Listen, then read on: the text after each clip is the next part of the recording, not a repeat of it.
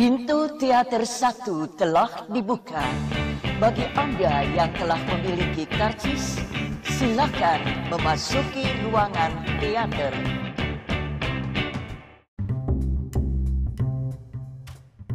Baik lagi sama gue Mustafa di podcast habis nonton film Setelah sebulan lebih gue nggak rekaman podcast ya kali ini gue kembali lagi dengan sebuah film Indonesia yang sudah lama gue tunggu-tunggu.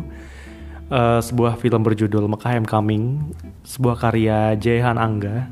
Uh, seorang filmmaker yang berangkat dari Jogja dengan film pendek film pendeknya ya. Kalau lu bermain di film pendek atau lu pernah bikin film atau lu suka nonton film pendek di festival pasti udah nggak asing lagi sama Jehan Angga ya. Yang terakhir dan ter yang cukup famous itu judulnya Nengkene Aku Ngenteni Kowe. Itu judulnya. Nah, uh, Jahan Angga ini uh, menjadi sutradara baru yang akan dikembangkan oleh uh, Hanung Bramantio ya sepertinya. Setelah sebelumnya berhasil menciptakan, menciptakan, berhasil menemukan banyak filmmaker berbakat ya. Mas Hanung kan pernah ngembangin Iqbal Rais, Tarik Jabrik, terus ada Fajar Bustomi, Fajar Nugros, Angga Sasongko pun dulu awalnya pernah dari Mas Angga, eh Mas Hanung juga. Terus ada Ismail Basbet gitu ya, uh, Mencari Hilal, Telak Tiga. Terus akhirnya ini Mekah Coming dari Jahan Angga ya. Gua sangat uh, ini respon overall gue setelah gue menonton Mekah Coming dan filmnya sangat-sangat bagus, sangat-sangat punya style dan gue berharap ya uh, Jahan Angga mempertahankan style ini dengan eskalasi uh, apa nyebutnya eskalasi penceritaan atau struktur atau atau kekurangan-kekurangan yang salah itu ditutup dengan dengan teknik-teknik atau cerita-cerita yang lebih bagus gitu. Nah uh, dan film ini ternyata film ini bisa bisa bisa bikin lu atau atau orang-orang yang skeptis antara kisah cinta Michelle Judith sama Rizky Nazar di film-film sebelumnya untuk berputar lagi untuk memikir lagi oh, ternyata mereka berdua masih bisa masih bisa menjadi pasangan yang sangat menarik di film-film gitu. Uh, terus pendekatannya juga approach-nya bagus banget di film ini. Ya, ya sesuatu yang yang yang lu akan jarang lu temukan bahkan mungkin di film Indonesia secara umum gitu. Gimana gimana kisah cinta yang sebenarnya konfliknya tidak terlalu tidak terlalu aneh uh, wajar gitu konfliknya. Cuma dikemas dengan cara yang absurd tapi absurd yang bisa lu terima. Absurd yang bisa lu rasakan kegilaannya tapi lu accept that lu lu lu sadari kalau itu emang aneh tapi lu nggak kenapa-kenapa gitu. Dibuka dengan film mobil remblong lah uh, eh gila aja gitu. Kayak misalnya uh, ceritanya udah udah menarik dari skripnya gitu. Nah, fun fact ya trivia uh, kalau lu belum tahu, Ci kalau lu belum tahu. Jadi Jehan Angga ini dikabarkan baru menjadi sutradara itu baru ditetapkan sebagai sutradara itu satu, satu minggu sebelum syuting. Karena sutradara sebelumnya tidak terlalu percaya diri untuk menggarap film ini. Nah, karena ada salah satu sahabat gue yang kerja di sana ya, uh, ya dalam lingkup-lingkup inilah Terus gue tanya, siapa sih sutradara sebelumnya yang menyutradarai ini yang sebenarnya menyutradarai, menyutradarai film ini dan dan gak ada nama yang disebutkan gitu. Gue juga jadi penasaran sih, uh, apakah film ini akan punya hasil yang berbeda kalau bukan Jahan Angga yang menyutradarai. Tapi kalau kata teman gue, kalau ini bukan Jahan Angga, nggak tahu gimana jadinya gitu. Karena film ini memang sangat-sangat Jahan Angga gitu. Jadi jadi bersyukurlah semesta dan Tuhan merancang semua ini kalau memang Jahan Angga ditakdirkan untuk menjadi sutradara film ini gitu ya. Kayak kayak nggak kebayang aja kalau ini yang nyutradarin film lain dan hasil uh, mentransferkan teks menjadi sebuah visual cerita yang bagus itu kan butuh pemahaman yang yang pen, yang bagus gitu. Apalagi kalau ceritanya udah kayak gini gitu ya. Ya seberapa absurd seberapa gila lo mungkin sebuah adegan ya tergantung dari direkturnya dan itu kebetulan dan sangat beruntung sekali ya uh, Jahan Angga yang menyutradarainya gitu. Uh, gua gua suka gua suka style di film ini, gua suka ke kerecehan, kerecehan-kerecehannya. Gua suka bagaimana cuttingannya uh, meskipun masih beberapa ada yang patah terus tapi um, tapi secara umum ini adalah film dengan komedi absurd yang bisa lo terima ya yang apik yang ya ya lu bisa menganggap itu sebuah hal yang wajar gitu. Itu itu secara secara umum gimana gimana filmnya. Terus ada satu lagi lagi yang gue paling suka di film ini adalah karakter Fajrul. Karakter yang pas pertama kali muncul gue bertanya-tanya anjing apa nih karakter? Aneh lebay banget itu. Ke, tipikal film-film uh, komika-komika gitu ya. Maksudnya biasanya kan banyak tuh film kita yang punya punya pemeran pembantu gitu supporting actor tapi dari komika-komika yang trying to be funny gitu yang yang berusaha banget untuk lucu gitu. Dan lu bisa bisa lihat lah di semua film Indonesia rata-rata ada salah satu du, atau dua komika yang di yang sengaja ada di sana. Dan mereka memang dibuat untuk ngelucu gitu. Memang intended untuk ngelucu tapi caranya itu nggak smooth gitu. Caranya caranya caranya bikin kita ah, apaan sih? Cringe cringe gitu cringe cringe gitu sih. Kalau kalau di film KM Coming ini si karakter Fajrul ini uh, meningkat. Menurut gue menurut gue uh, rasa rasa rasa komikanya rasa komikanya nuansa komikanya itu meningkat aja. Nggak dari awal lucu banget tuh enggak sih ketika gue pertama kali muncul. Gue kesel sama dia kayak anjir ini karakter ngapain ya? Lebay banget gitu. Tapi ke belakang ke belakang udah mulai oh fungsinya dia kayak gini ngingetin karakter utama untuk kayak gini kayak gini. Terus akhirnya ke tengah ketika apalagi ketika lagi nyanyi gitu ya. Selamat ulang tahun ke Tuti anjing lucu banget gue gue ngakak untuk paling paling gede pertama kali di situ kayak anjing lucu banget. Itu itu yang saat itu adegan itu terjadi gue langsung fuck I love this karakter uh, gue gue suka karakter ini.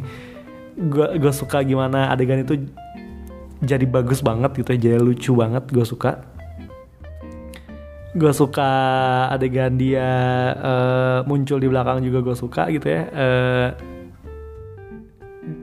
karakter ini tetap punya punya punya tujuan untuk menjadi seorang fotografer gitu ya tapi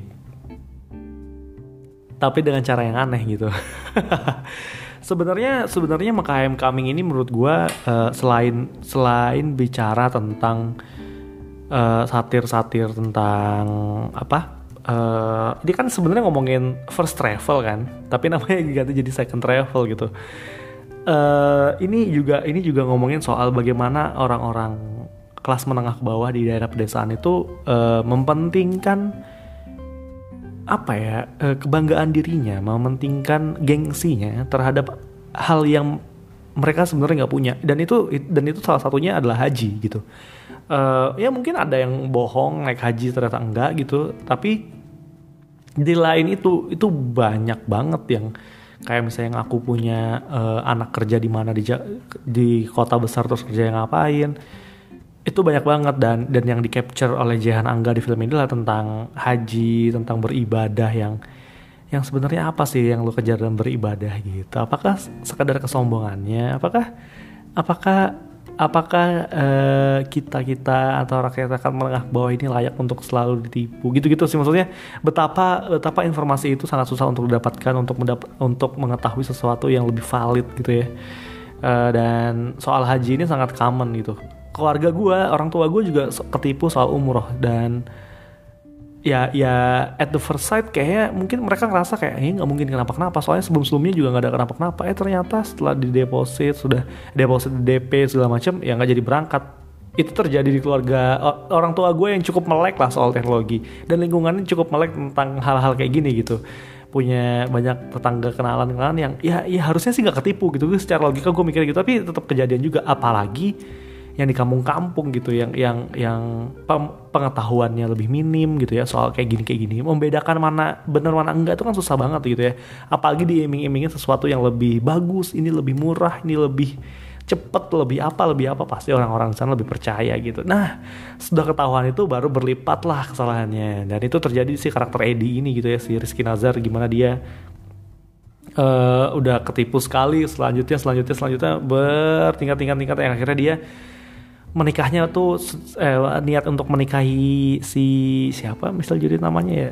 Si Annie. Itu sedikit sedikit bermasalah gitu sih. Sebenarnya premisnya gampang lah kalau lo baca di IMDb atau di mana gitu itu gampang banget. Pasti ngomongin soal Eddie seorang uh, pemuda kampung yang bekerja sebagai montir di sebuah bengkel kecil untuk bengkel, bengkel mobil.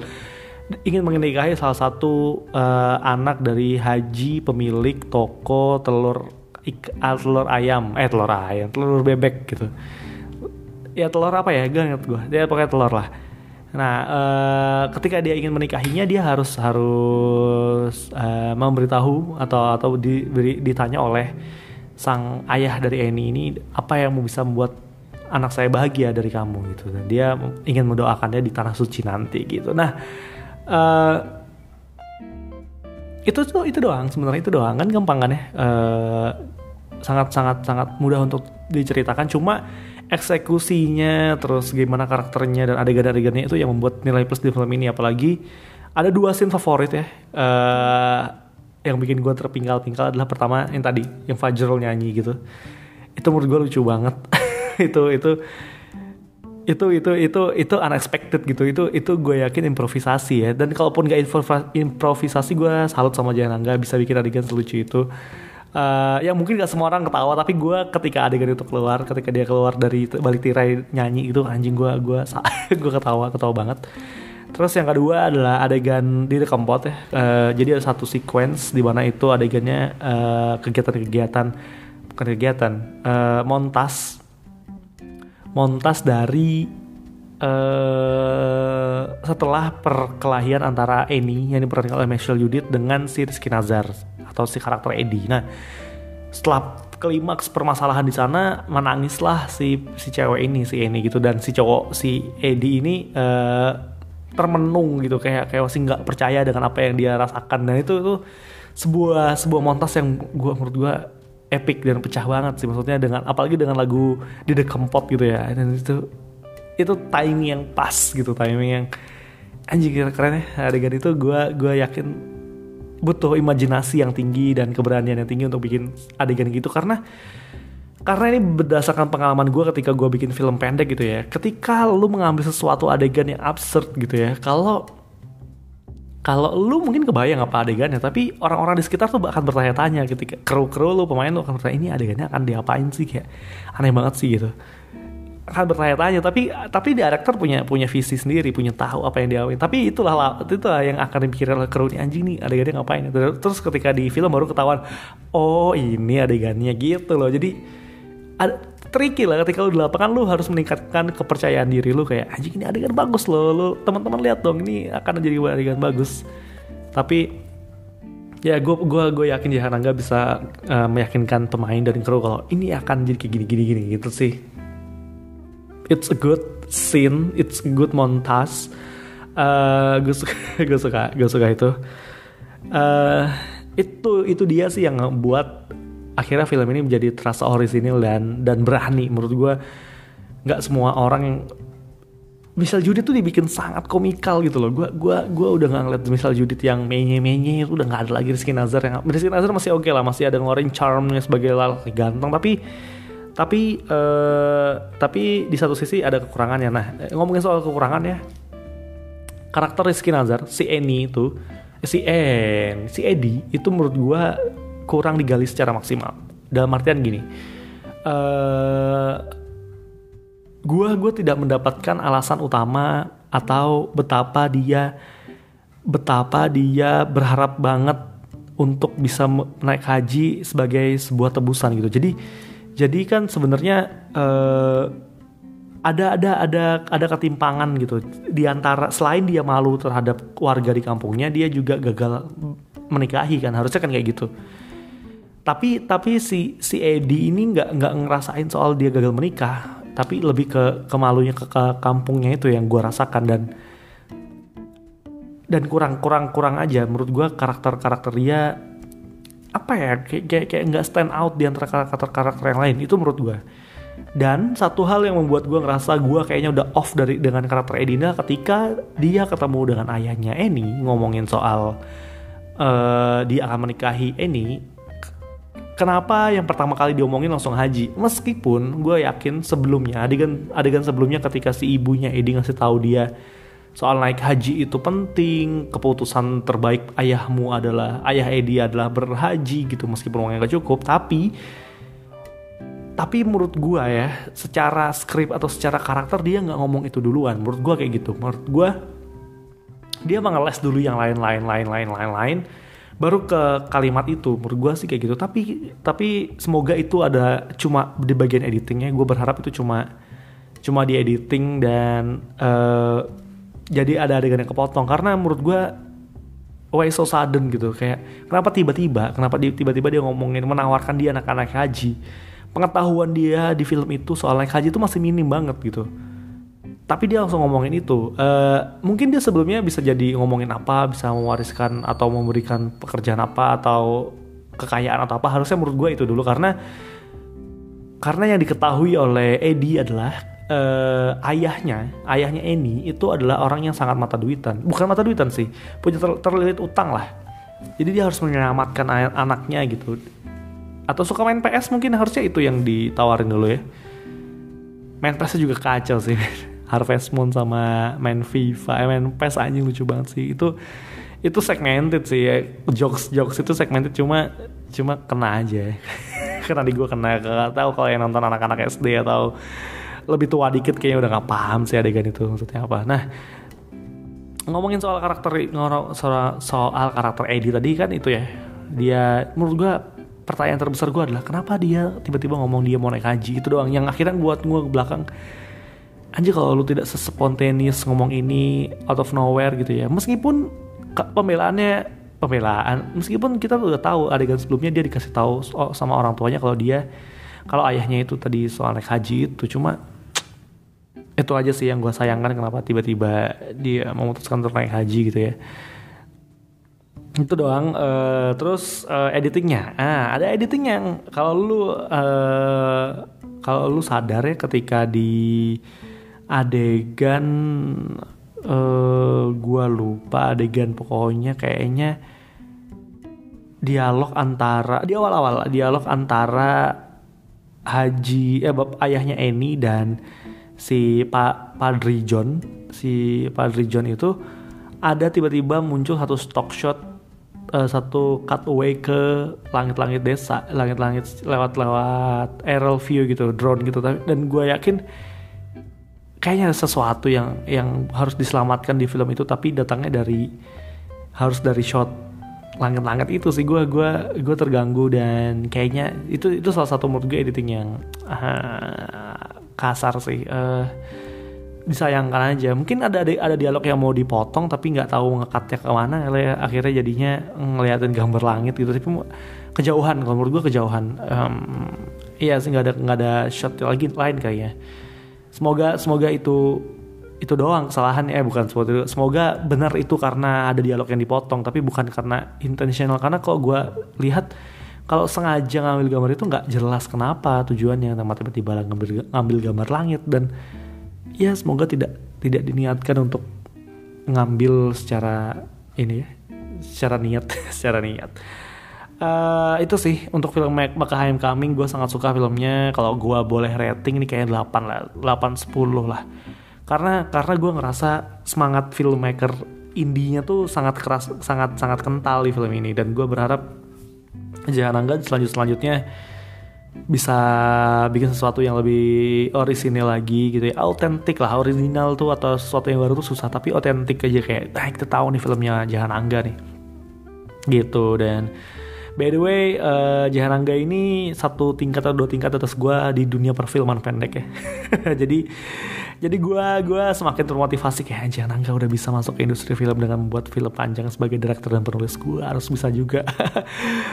ya itu motivasi besar gue kayak anjing gue gue harusnya bersemangat nih gue harus bersemangat bisa bikin film film panjang juga gitu kayak ya kapan waktunya datang ya gitu sih kayak mm, bukan untuk membuat gue down tapi bikin gue lebih semangat. Ketika gue nonton tuh kayak anjing gue gue harusnya uh, bisa lebih giat lagi untuk bikin film atau bikin portfolio gue supaya cerita-cerita gue bisa dilirik oleh produser-produser besar gitu ya Uh, itu aja untuk episode kali ini. Uh, sorry buat lo yang ada dengerin podcast gue, meskipun gue yakin gak ada yang dengerin podcast gue. Sorry setelah sebulan lama, eh, sebulan kemarin gue gak ada update apa-apa karena gue sedang dalam proses pembuatan film pendek dan semoga gue bisa menontonkan film pendek gue ke kalian semua. Uh, tunggu aja apa judulnya dan gimana ceritanya. Pernah gue tweet juga. Um, itu aja untuk episode kali ini. Uh, jangan lupa nonton film bagus di bioskop ya. Uh, tonton film yang lo gemari, dukung terus film Indonesia. Sampai jumpa di episode selanjutnya. Dadah.